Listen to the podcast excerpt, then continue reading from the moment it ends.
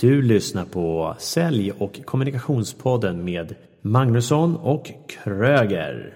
Du ska lyssna på den här podden för att få inspiration, insikt, perspektiv, konkreta tips och en good feeling. Jag är Mikael Kröger, exekutiv coach, utbildare i ledarskap och kommunikation. Jag är även chef på ett bemanning och rekryteringsföretag i Stockholm. Jag är Daniel Magnusson, säljcoach som åker land och rike runt för att se till att säljare och säljchefer säljer och presterar mycket mer än vad de gör idag. Och tillsammans så har vi Sälj och kommunikationspodden. Nu kör vi! Nu kör vi!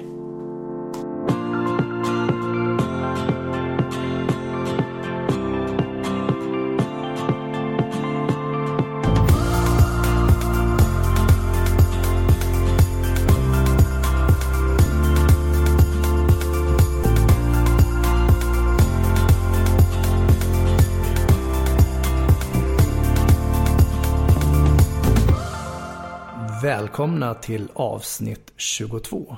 Och idag ska vi prata om drömmar och självledarskap. Och jag är Mikael Kröger. Och jag är Daniel Magnusson. Och med oss i studion har vi en herre som har många strängar på sin lyra. Han spelar innebandy i Storbritanniens innebandylandslag. Han är professionell drömmare, föreläsare och utbildat flera tusen unga entreprenörer i självledarskap. Idag sitter han med i en advisory board för unga entreprenörer nationellt. Och redan vid 19 års ålder så gick han en UGL-utbildning.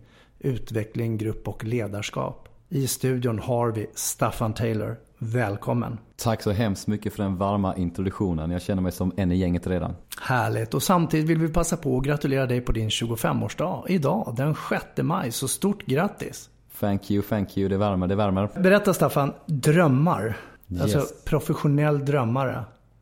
Den är spännande. Vad är det för någonting? Det stämmer, det stämmer. Professionell drömmare kallar jag mig numera på visitkortet och på nätet och allt vad det heter. Det uppkom efter ett YouTube-klipp när min eh, när min, när min partner skulle filma mig och göra ett inspirationsklipp. Och, han, och jag avslutade med att säga att jag är föreläsare och entreprenör. Han sa nej Staffan, nej Staffan, du måste säga någonting mer. Så numera är jag professionell drömmare. Och kort och gott så tänker jag att drömmar det är det som tar oss framåt och rädslor är det som håller oss tillbaka. Så det är kärnan i det professionella drömmandet. Mm, spännande. Och vad var det som fick dig att ja, gå därifrån? Det videoklippet? Jag skulle vilja backa bandet. Du introducerade mig här med att berätta att jag gick UGL när jag var 19 år och det stämmer Kröger. Det är bra att du har koll på historien här. Och eh, ett par år innan det skulle jag vilja backa till när jag gick i gymnasiet. För att då var det en tid där rädslorna de var så mycket större än vad drömmarna var. Och jag var mer fångad av de här rädslorna i form av vad ska andra tycka och tänka. Tänk som misslyckas jag? Vad ska jag göra med detta? Och det var de som tog den stora platsen i mitt liv. Men efter att ha fått en mentor sista året på gymnasiet som jobbade mycket med inre ledarskapet och han har jobbat med styrelser och gör idag med ledningsgrupper men han ville intressera sig för unga människor. Så jag fick en rackans duktig mentor sista året på gymnasiet som stärkte mitt inre ledarskap. Så där började för mig om att börja titta inåt och se vilka drömmar finns där inne som nu ska få komma ut. Jag tänker det är ett stort steg att, att eh, ja, som då ung som du var då, du är ung nu tycker jag i och för sig. Att skifta då från att börja våga drömma när rädslorna i vanliga fall då håller tillbaka. Mm. Så vad var det som du gjorde då som du, att du vågar ge utlopp för mer drömmar? Jag skulle vilja säga så här att någonstans så har vi alla den kraften med att vi kan drömma och att vi kan tro på drömmar. Och så tror jag att skolsystemet kan vara en av grejerna som dödar kreativitet, hämmar drömmar och kan boxa in Jag Jag säger inte att alla råkar ut för det men jag var en av många skulle jag säga som fastnade i att eh, kreativiteten och drömmandet hämmades.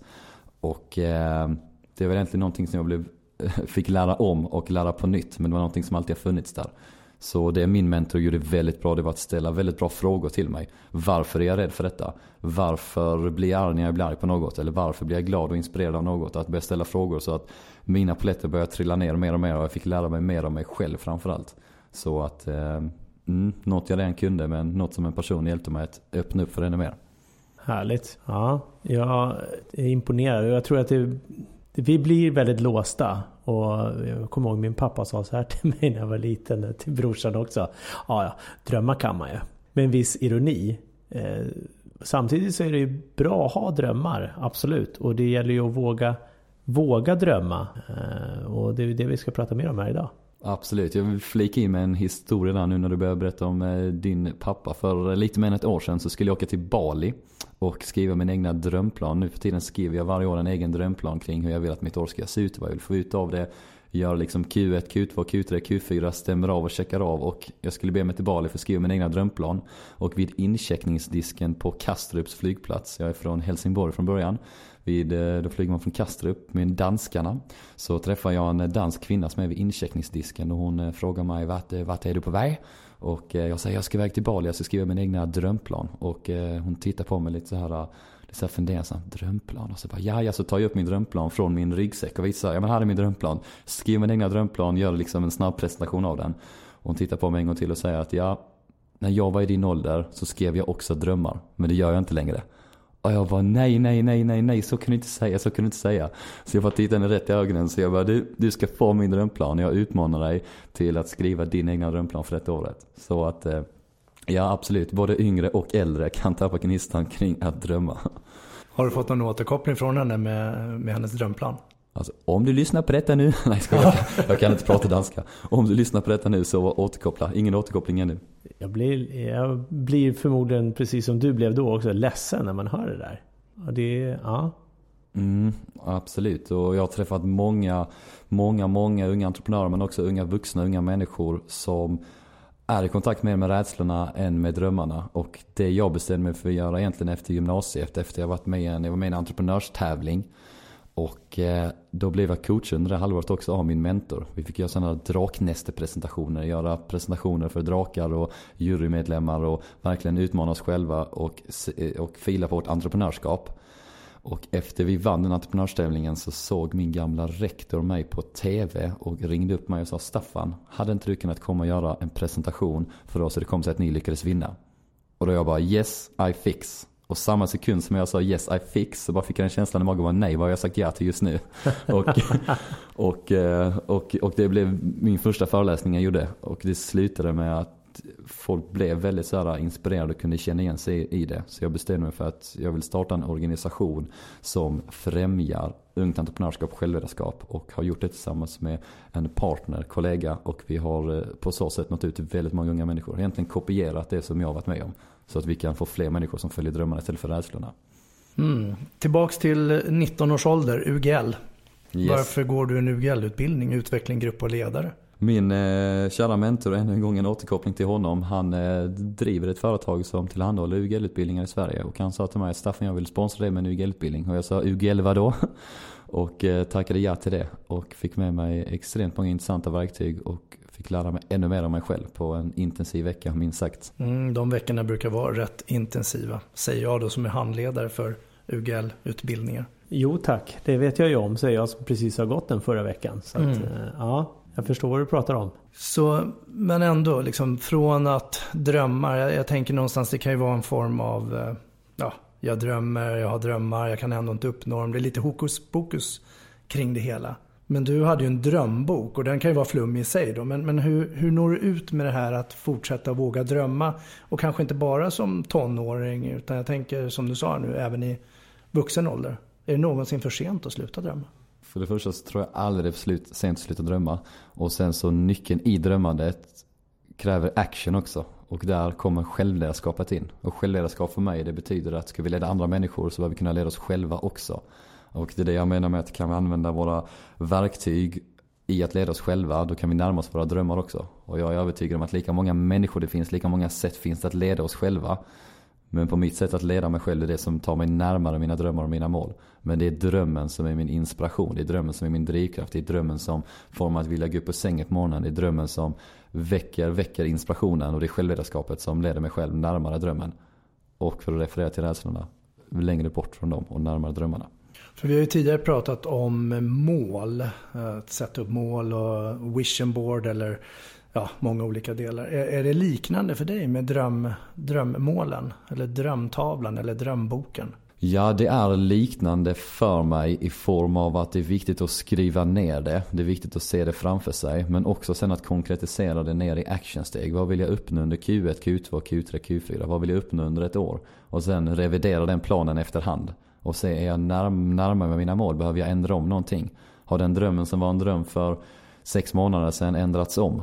Eller har något annat hänt? Att hela tiden checka av med sig själv. Vad, vart är jag på väg någonstans? Vem är jag? Och ju mer jag vet vem jag är och vart jag vill, desto enklare kan jag ge mig förutsättningarna för att ta mig dit jag ska ta mig. Genom självledarskapet. Det låter ju som ett mål för mig. Så vad, vad, skulle du säga är skillnaden då? Skillnaden mellan dröm och ett mål? Aha. Jag skulle säga att dröm är byggd på väldigt mycket inspiration. Att inspirationen kittlar igång hos en och den kan vara stor, den kan vara liten. Jag skulle inte vilja lägga någon vikt i hur stor eller liten dröm är för att många kan bygga upp att ja men drömmar. Om någon får frågan vad drömmer du om så kan det bli så wow, wow shit det där, det där, var, det där var en stor fråga. Den, den frågan får du inte ställa liksom. Det är som att svära i kyrkan. Fast drömmar för mig det kan vara, de kan vara stora och små och drömmar är någon som kommer inifrån mål. De kan komma inifrån också men ibland kan motivation för mig vara utifrån styrt. Det kan vara en morot som motiverar oss till att uppnå någonting. Det kan ibland vara motivation, vi motiveras till att uppnå målen. Eller motivation, att det är någonting vi vill mutas oss till. Men inspiration och drömmar det är någonting som för mig kommer rent och skärt inifrån. Motivation istället för motivation. Motivation, motivation och motivation. Ja, den kommer jag knycka. Okej okay, Staffan. Så du utbildar ju i att bli mer drömmande. Yes. Och om du skulle ge lite tips till de som lyssnar då. Hur, hur kan de börja? Hur de kan börja med att drömma? Hur de kan börja med att drömma skulle jag titta på vad är det som hindrar dem från att tro på att drömmar är möjliga. Jag har en fråga som jag brukar ställa i utbildningen som jag har ställt till. Jag har blivit en hel del personer under årens gång. Det är vad, vad hindrar dig från att lära dig något nytt? Vad hindrar dig från att lära dig något nytt? Och de två absolut vanligaste svaren på den här frågan, det är jag vet redan svaret, det vill säga jag vet redan hur det ligger till. Antingen någon har varit med om en positiv upplevelse eller en negativ upplevelse kring någonting och har bestämt sig för att nej men så här är det. Eller så är det rädslan, rädslan för att misslyckas eller rädslan för vad andra ska tycka och tänka. En del brukar säga lathet och tid kan spela in också, men eh, de två, de två absolut, absolut vanligaste. Så att om du exempelvis varit med om någonting vid ett tillfälle där du eh, misslyckades med det. Då kan den begränsningen vara med dig kring vad du tror att du kan uppnå och vad du tror är möjligt. Exempelvis som att lyckas med din företagsidé. Jag kan träffa personer som har kanske testat på två stycken affärsidéer och misslyckats med det. Och då kan de komma och säga, nej men det här med entreprenörskap eller det här med att starta igång någonting eget. Det, det är inte någonting för mig utan det, det är någonting för andra. Fast i själva verket så är det inte det, är inte, det, är inte det som avgör. Det är ju som avgör om du har tron på att idén är möjlig eller inte. Och så fort vi slutar drömma och att vi tror att det är sant, precis som kvinnan vid incheckningsdisken i, på Kastrup flygplats, så kommer vi aldrig gå till action ett endaste litet steg för att närma oss den drömmen. Så kolla på vad tror du på? Vad inbillar du dig att du kan? Och vad inbillar du dig att du inte kan? Ja, och de två första svaren som du nämnde där som du brukar få, de vanligaste, de är ju också de mest ärligaste. De andra, jag har inte tid, äh, men jag orkar inte. Det är ju ursäkter när de inte riktigt går, vågar gå på djupet. Tänker jag i alla fall. Det är, så mm. jag, det är lättare att komma med dem och säga att jag har inte tid. Mm. Fast de vågar inte säga att de är rädda egentligen. Yes, yes, yes. Ja. Så och vad, vad, för att bli mer drömmande då, utöver det där. Att ställa de frågorna till sig själv. Så för att bli mer drömmande utifrån där så skulle jag vilja säga att utmana dina rädslor. Om du känner igen i rädslan för att folk påverkas av vad andra ska tycka och tänka. Utmana dig själv med att våga kommunicera ut din dröm. Även fast du inte är i drömmen just nu, våga kunna säga de magiska orden att det är där du vill uppnå, det är där du vill göra. 2011 så skrev jag en bild på, eller upp en bild på Facebook. Det var efter vi hade vunnit den här entreprenörstävlingen och jag gick ut i mitt på mina sociala medier och liksom berättade om min dröm om att jag ville köra igång den här äh, organisationen och satsa på min idé och bygga vidare på det. Så var det en person som skrev till mig Get a job! och ett stort utropstecken. Så jag bara aj, aj, aj, aj, aj.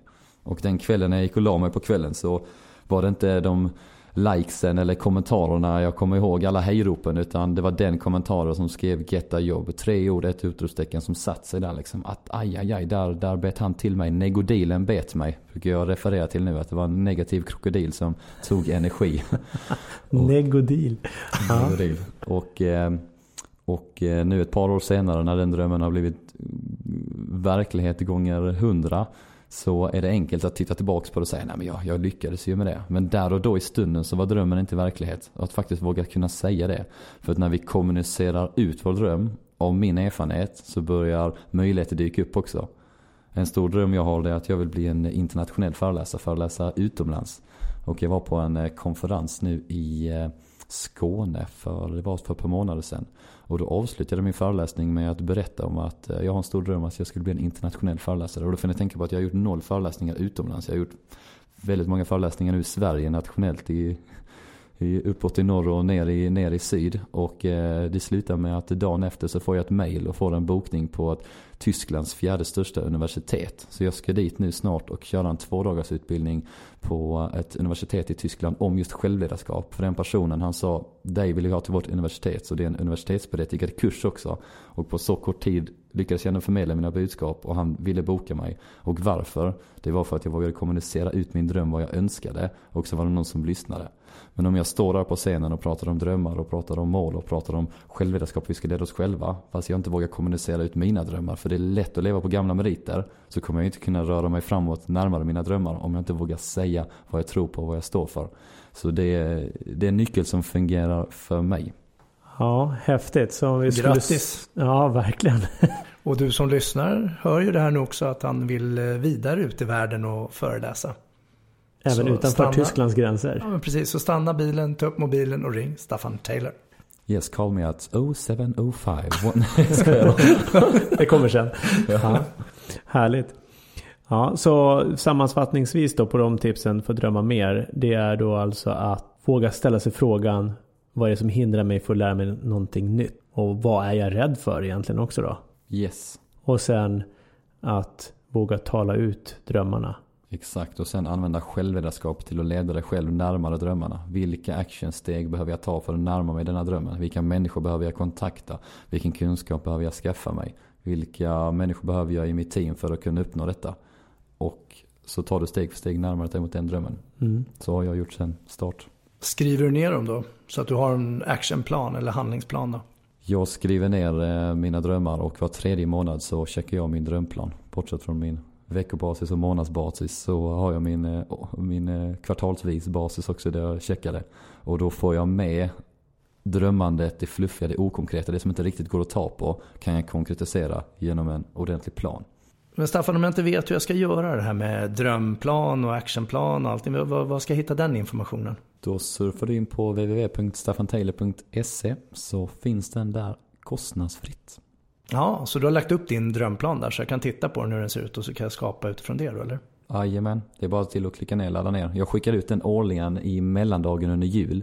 Så skickar jag ut den till mina följare så skriver folk sin drömplan. Och det är rätt kul att få feedback från det år för år.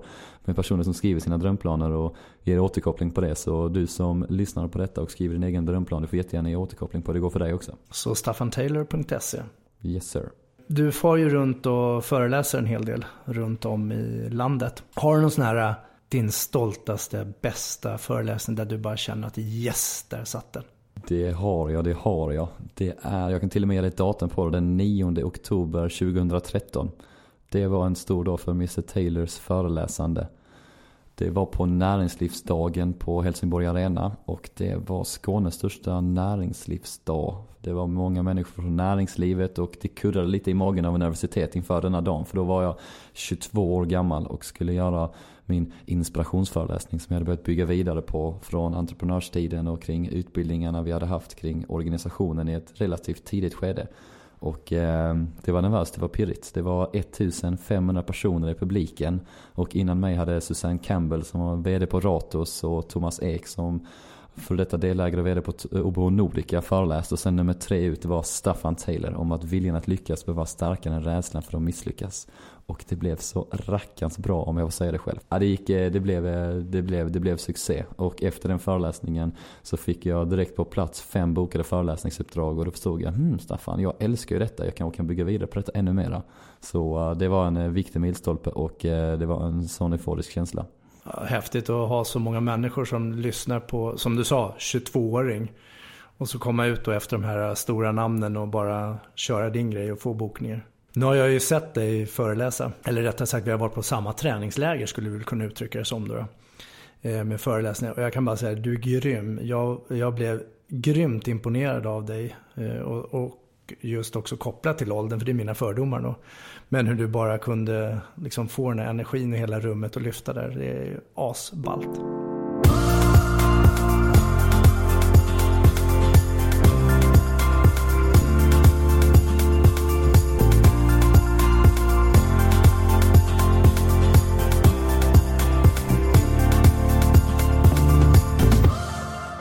Innebandy.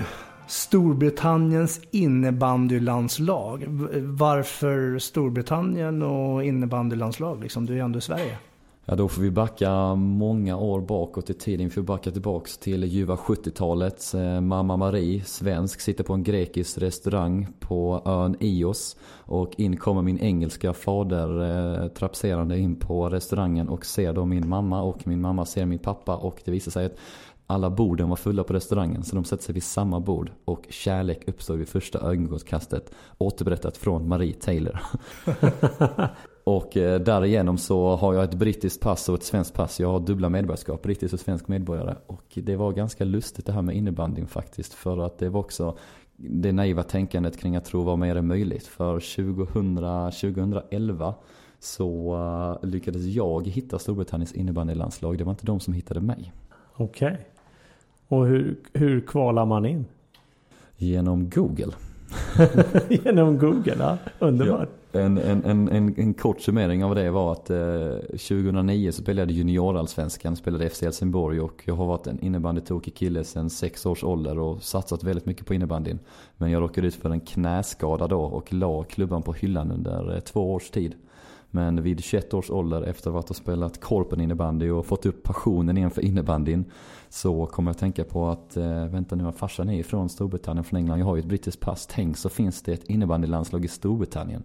För vi ser inte ens om att det fanns. Så jag sätter mig på Google efter ett korpen innebandypass och googlar mig fram till Great Britain Floorball Head Coach. Hittar ett namn och nummer till förbundskaptenen och ringer och presenterar mig själv. Säger att jag är i toppform berättade om mina tidigare meriter. Och han, eh, och, eh, och han säger att du kommer göra en tryout. Att om två månader för att komma till Bryssel så ska du spela en landskamp mot Belgiens landslag. Så får du göra din provuttagning. Och jag säger yes sir. Lägger på telefonen, ger mig ut och tränar kopiöst mycket i två månader. Och sen två månader senare så tog jag min plats och kvalificerade in mig i laget. Så nu har jag varit med om två VM-kval. Senast nu för två månader sedan nere i Polen. Och eh, jag fortsätter köra det parallellt med mitt entreprenöriella, entreprenöriella spår. Så drömmarna funkar om vi drömmer om tillräckligt tydligt och talar om vad vi vill göra. Och vill du vara med i Storbritanniens landslag i innebandy, ja då använder du Google och övertalningsmetodik. Yes. 21 år, varit skadad i två år och kommer med i Englands innebandylandslag. Det får mig att tänka att många skulle tänka också så här, det är ju omöjligt. Det kan du inte göra. Eh, och då kommer jag att tänka lite på när vi pratade om mål i tidigare avsnitt just med smarta mål. Där S står för specifikt, M står för mätbart, A står antingen för attraktivt eller accepterat. Och sen har vi då R som då många säger realistiskt. Och sen så T då för tidsbestämt. Och jag har ju lite problem med R, just att det är realistiskt. Och hade man då tittat på din situation så är det många som hade sagt att det där är ju inte realistiskt. Att du ska börja spela för det landslaget. Vad, vad är din syn när det gäller just smarta mål då? Jag känner igen mig mycket i det du refererar till i smarta mål. Att realistiskt kan eh, hämma ofta och det är kopplat till vad vi tror är möjligt och inte möjligt. För om vi ska sätta smarta mål baserat på vad vi har lyckats med sen tidigare så kan vi inte lyckas återskapa någonting varken i huvudet eller i verkligheten om vi inte tror på det. Och jag gillar Walt Disney väldigt mycket som, är en, eller som var en väldigt, väldigt stor drömmare och lever vidare hos många genom hans inspiration och drömmar. Och det finns en historia berättad. Om den är sann eller inte behöver vi verifiera genom Google. Där hittar vi allting. Men med Walt Disney som, eh, som hade stora visioner och drömmar om att bygga upp parker, Walt Disney-parker. Och innan parkerna blev verklighet, han gick till många banker och sålde in den och innan eh, parkerna blev verklighet så han Walt Disney gå bort. Och på själva invigningsdagen när hans bror står där och inviger och invigningstalar så kommer en journalist fram och säger att är det inte synd att eh, Walt Disney inte fick vara med vid eh, invigningen här nu? Och då svarar brodern så att, vadå, vad, vad snackar du om? Walt, Walt Disney såg allt det här för 20 år sedan. Och det är det som gör dig till journalist och han till visionär. Och jag tror det här med visionärandet och drömmandet, att det är det som tar oss framåt. Likväl som att Walt Disney såg det innan det ens hände. Vi behöver se det innan det ens är här. Ja, verkligen. Och det, det, allting skapas två gånger brukar man säga. Först skapas det i tanken och sen så skapas det i verkliga livet. Jag menar det är bara att titta på ett hus om det ska byggas. Någonstans så skapas ju det först. Eh, jag blir nyfiken också på, eh, du la ut ett inlägg och på en eh, 24 timmar så, så fick du 140 000 likes och 20 000 delningar och sen blev du nerringd av dagstidningar och andra. Och inlägget du la ut la du på Facebook. Och vad tänker du om kraften i sociala medier? Jag känner att det finns en väldigt stor kraft i sociala medier. Och det var ett tecken på att det finns en sådan kraft vi kan själv uppleva där. Men också kan vi se hur saker kan sprida sig. Hur människor kan samlas kring vad de tror på kring ett ämne genom att enkelt och snabbt dela det. Och eh, i detta fallet så delades det väldigt mycket på, på bara ett par timmar. Vad fick du göra inlägget och om du bara kort vill berätta om vad det handlade om? Jag eh, skulle åka tåg från Helsingborg upp till Stockholm och sätter mig i tågvagnen och eh, bakom mig så sitter en kille som snyftar och inte låter allt för glad. Fast det jag ganska snabbt märker det var att det var ingen som reagerade någonting på det och jag märkte mig själv att jag gjorde inte heller någonting och började med ställa mig frågan vad ska jag säga eller hur ska jag göra och började spegla mig i fönstret för att verkligen säkerställa men är han verkligen ledsen eller är han verkligen, jag kanske inte behöver göra någonting. Och sen så kom jag fram till att någonting behöver jag säga, säga till honom för jag såg att det var en väldigt, väldigt ung kille. Och eh, jag vänder mig om och eh, börjar kommunicera med honom men förstår ganska snabbt vilka mina aningar var också. Att han inte kunde prata svenska utan det var ett ensamkommande flyktingbarn som precis hade anlänt till Malmö. Eller han hade varit i Malmö i fyra dagar och på väg upp till Norrköping. Så jag, eh, jag inledde med att säga Germany, England, Sweden, pekar på mig själv och sen pekar jag på honom och då säger han Afghanistan, Afghanistan. Och då en gång så använder jag mig Google och googlar fram till att persiska är ett vanligt språk eh, i Afghanistan. Så vi började kommunicera via persiska och det visade sig då att han skulle till Norrköping, hade rest eh, under 30 dagars tid för att ta sig till Sverige. Och jag ringde även min vän som kunde flytande persiska som kunde kommunicera med honom och han började ställa frågor om Norrköping. Och hur som haver så skedde ett mänskligt möte där på tåget och vi fick ett väldigt, väldigt fint möte mellan varandra. Och många på tåget blev, blev berörda och väldigt känslosamt berörda. Och jag eh, i stunden så delade jag detta inlägget och det blev en väldigt, väldigt, väldigt stor, eh, stor spridning på det. Mm, jag sitter här och får rysningar nu när du berättar om det för att jag, jag har hört den storyn då. Eh, varför ville du dela det på Facebook? Nu visste du inte att du skulle få den spridningen, men vad var ditt syfte då? Om jag ska vara helt ärlig som jag inte har berättat för så många tidigare så, uh, så var det att jag hade väldigt mycket emotionella känslor hos mig själv under den, under den hösten där. Att, uh, framförallt så var det en person till mig, en jämnårig vän som tyvärr valde att inte leva längre. Så det är väldigt, väldigt, väldigt kraftigt och det, det, det känns på mig bara när jag säger det nu. Och sen så utspelade sig andra tråkigheter runt om i världen under den tiden. Bland annat attacken i Paris och sen så uh, Sen så skedde denna händelse med att jag träffade den killen på tåget och jag fick en sån stor, stark känsla att jag hade grubblat på under en veckas tid att det är så viktigt vad vi väljer för någonting. Om vi väljer empati och compassion eller om vi väljer rädsla. Och jag, jag, jag känner bara att det, var, det blev en handling av väldigt mycket compassion och jag tror att många hade gjort handlingen likadan. Att vi ska vara medmänniskor och möta varandra. Och jag kände att ja, men det, här, det här är någonting jag vill dela med mig av. Och jag tror, att, jag tror att de känslorna som fanns på det tåget, det var att det kanaliserades ut i sociala medier och nådde, nådde, nådde väldigt stor spridning. Så jag tror väldigt mycket på compassion, medmänsklighet. Och det var det som var kärnan i inlägget. Aktivt, vad väljer du att välja? Väljer du att sprida rädsla eller väljer du att sprida compassion? Så compassion kan vara ett annat ord för dröm för mig i sammanhanget. Compassion är det vi fokuserar på, det är det som, det är det som växer. Så därför, därför valde jag att skriva det mitt spontana svar. Du fick ju väldigt bra respons eh, som sagt från eh, dagspressen också. Som gärna ville göra en story av det här. Det stämmer. På 24 timmar när jag vaknade dagen efter så var den uppe i 100 000 likes. Och eh, i princip samtliga nyhetstidningar i Sverige ville göra en artikel av detta.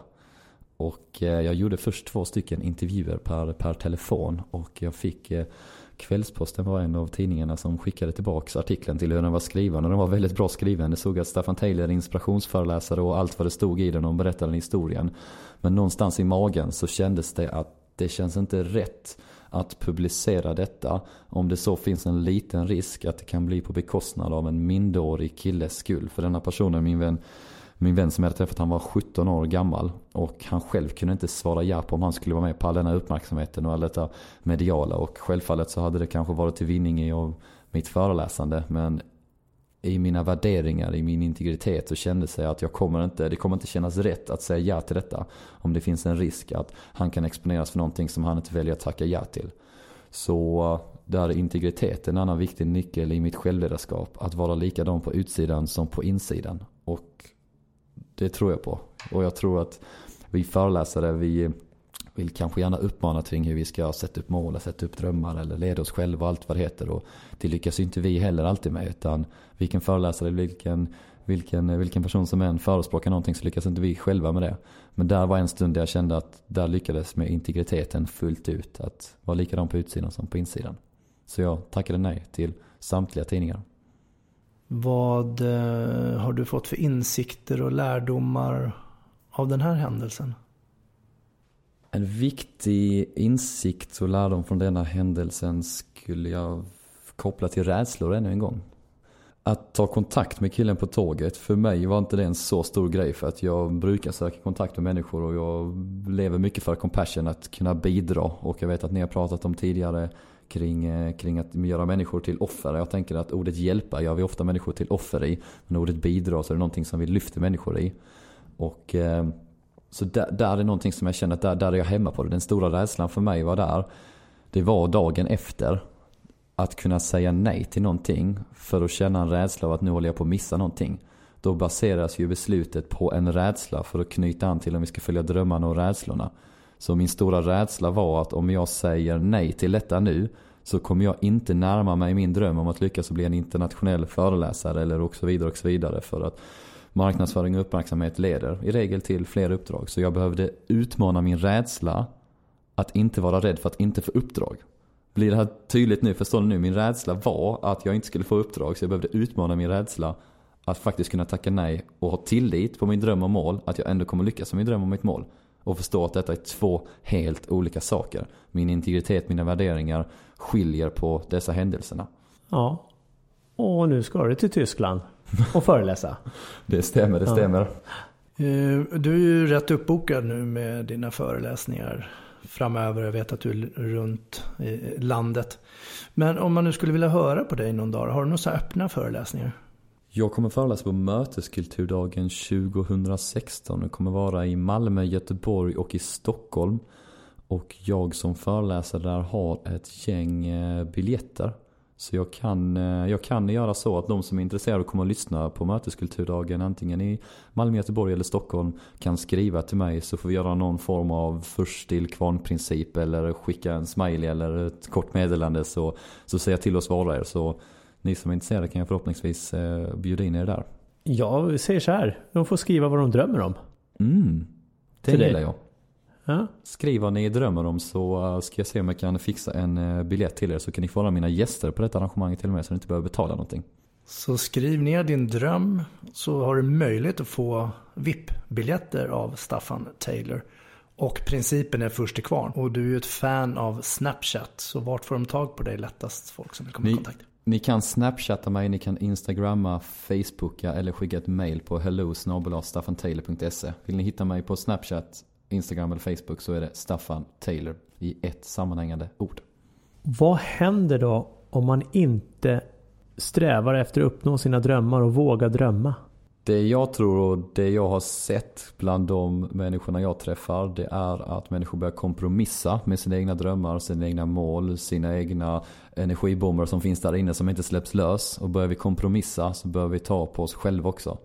Och kollar vi från 2009 till 2013 så ökades, dubblerades till och med antalet sjukskrivningar av stress. Så det är fler och fler som sjukskriver sig på grund av stress, på grund av utmattning och jag tror att en stor, en stor faktor i detta är att vi kompromissar med oss själva. Så eh, led, träna på att leda dig själv tror jag är en jäkla bra nyckel för att inte bränna ut oss. Och om man nu ska leda sig själv då, första steget enligt dig? Första steget, ta reda på mer om dig själv. Ta reda på mer om dig själv, vem du är, vad du vill och vart du är på väg någonstans. Och ett första steg kan vara att exempelvis skriva en drömplan för att renodla hur har ditt år varit sen året som har varit och hur vill du att ditt år ska vara framöver? Vilka människor väljer du att omge dig med? Vilka människor är energy givers och energy suckers? Kartlägga kring, kring vilka steg behöver du ta för att närma dig du vill? Vet du inte vart du vill? Gör övningen kring att ta reda på vad du brinner för och närma dig de stegen. Att metodiskt kartlägga det vi har där inne. För att när vi bara låter det vara ett stort sus och ett brus och vi upprätthåller oss med sociala medier eller gör någonting hela tiden för att stilla vårt sinne. Då kommer inte svaren till oss. Det är, det är jag helt övertygad om. Men när vi sätter oss ner, varvar ner, går till de smultronställen vi behöver gå till, då kommer svaren också. Men då behöver vi se till att skriva ner dem också. Och, våga titta bakåt. Och acceptera det som har hänt och se sina misslyckanden också som, ja det är ett misslyckande men det betyder ju inte att det kommer bli misslyckande framåt. Håller med dig, håller med dig. Jag brukar säga att bakom varje misslyckande döljer sig en maskerad möjlighet. Bakom varje misslyckande döljer sig en maskerad möjlighet. Att se varje misslyckande som vad finns det för möjligheter här? Och ju mer du tränar på det, desto bättre blir du på det. Jag utmanar dig. Och så ska vi undvika negodiler. Alltså negativa krokodiler. Var det yes, så tolka det är också en sån här del som jag behöver knycka. Negodil. Har du något citat som du skulle vilja runda av med? Jag skulle vilja knyta ihop säcken genom att referera till Martin Luther King. För vitt jag vet så sa han inte I have a plan. Han sa I have a dream. Så följ drömmarna men sen sätt upp hur tar du dig dit. Men det är drömmen som är kärnan. Följ drömmarna och eh, kika in på vår hemsida på magnussonkroger.se så har vi länkat till Staffan Taylor och hans eh, olika sociala medier. Samt drömplanen som ni kan ladda ner. Och med det sagt så eh, skulle vi vilja säga, från oss i alla fall, hoppas du får en drömmande härlig födelsedag vidare här på din 25-årsdag. Och var rädda om varandra där ute. Visa respekt, kärlek och dröm vidare. Trevlig helg. Trevlig helg. Dream big. Trevlig helg.